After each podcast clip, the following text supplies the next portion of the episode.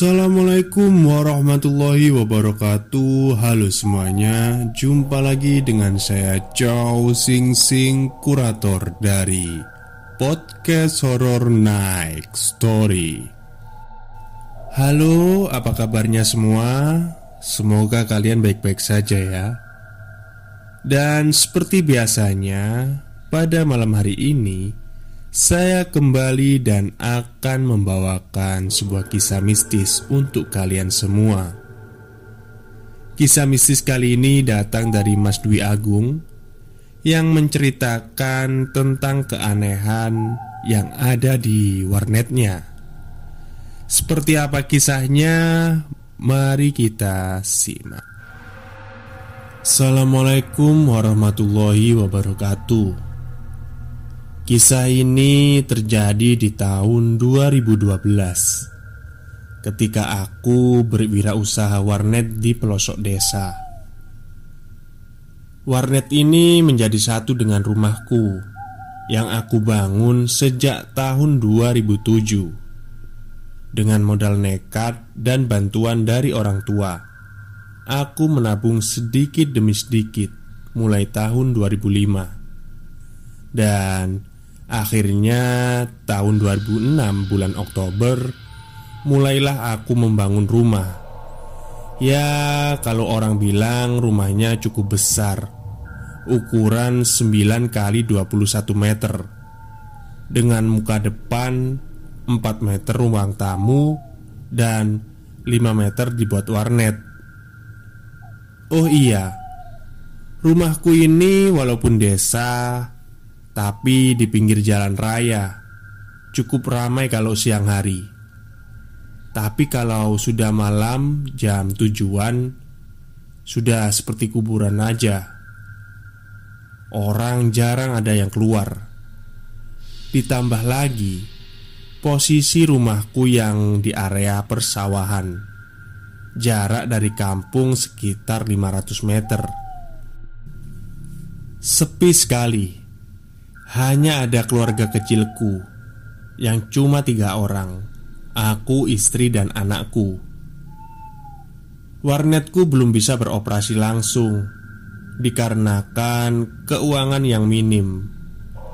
Aku berusaha menambah peralatan jaringan yang diperlukan sedikit demi sedikit dari kerjaan serabutanku. Walau aku seorang sarjana ekonomi, tapi kalau masalah komputer aku lumayan bisa untuk merakit dan menginstalnya. Tepat tanggal 12 Maret 2012 Dibukalah warnetku ini. Hari pertama buka cuma dua orang yang main ke warnet. Sampai seminggu bertambahlah orang yang main. Maklumlah Selain warnet desa, orang-orang juga belum tahu keberadaan warnet itu apa dan untuk apa. Seiring berjalannya waktu, warnetku tambah rame. Warnet yang semula cuma buka dari jam 9 pagi sampai jam 7 malam Aku tambah sampai jam 11 malam Suatu ketika ada member warnetku yang bilang, "Mas, sampean kok berani sih di sini?"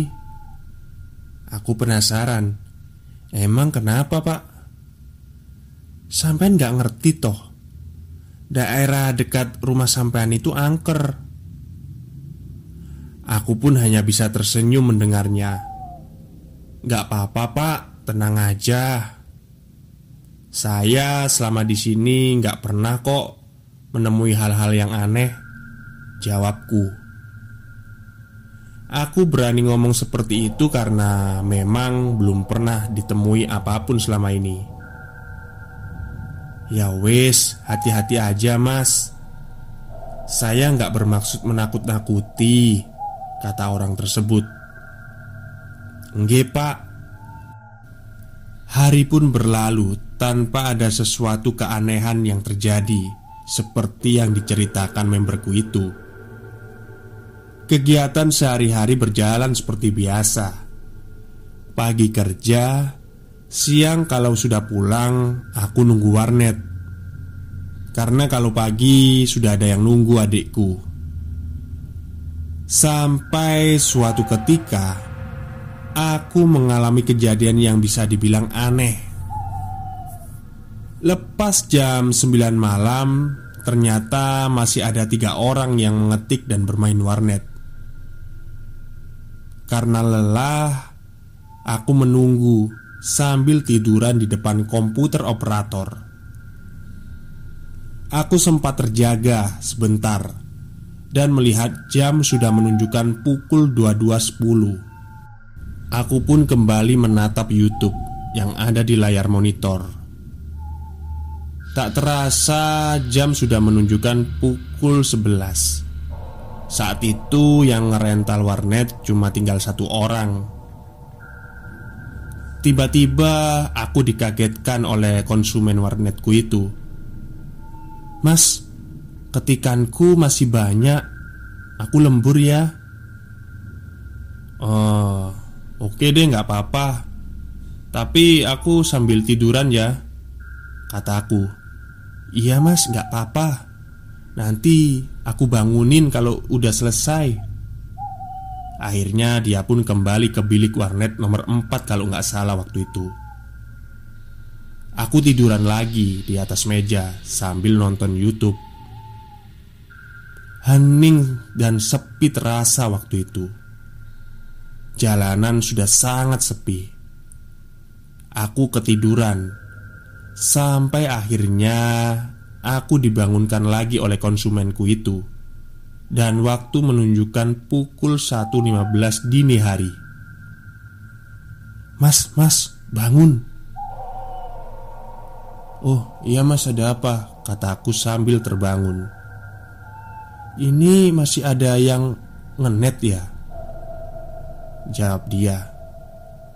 Enggak kok mas Tinggal sampean aja Kataku sambil melihat komputer di operator.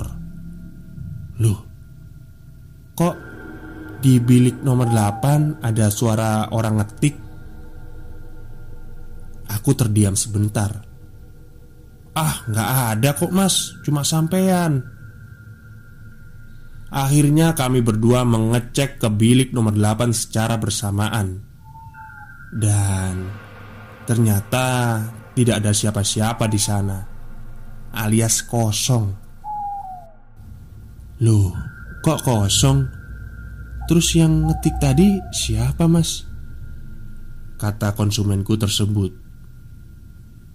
Tiba-tiba bulu kuduku mulai berdiri Serem banget waktu itu Sampai-sampai Konsumenku ini belum selesai makalahnya Akhirnya dia bubar.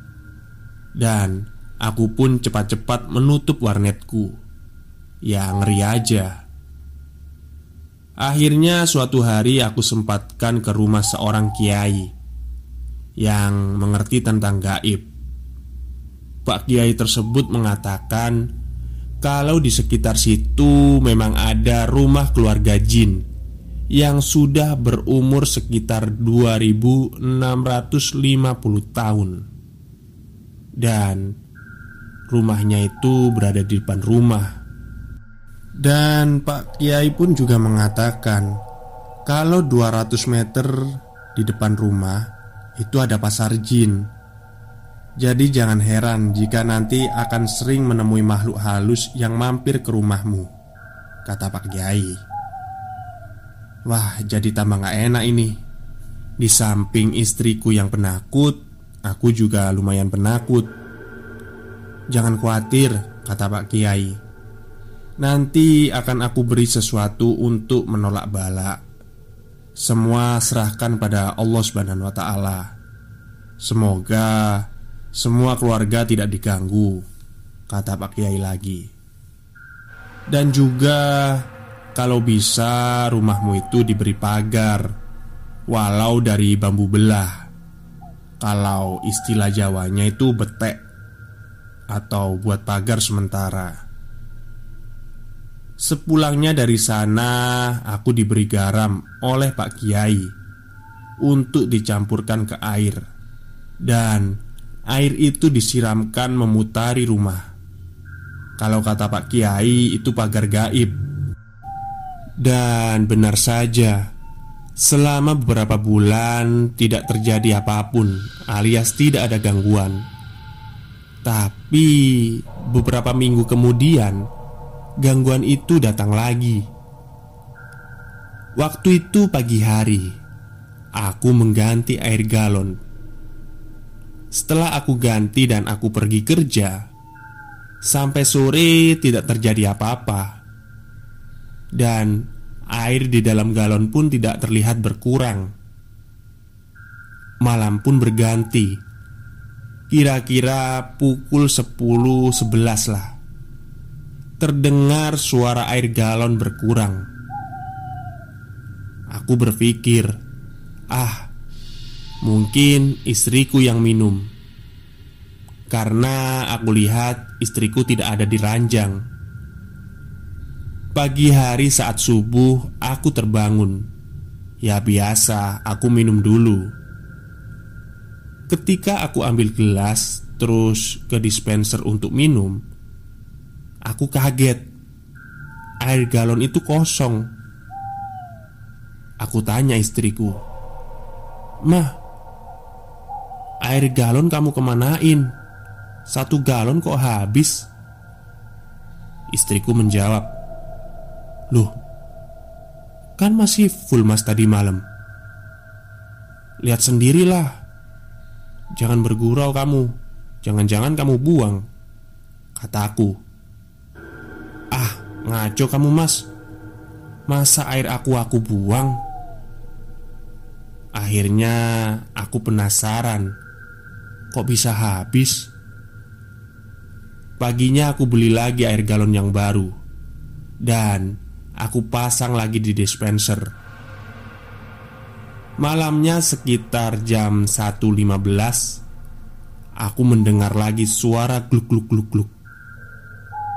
Maksudnya itu suara air galon diambil itu ya.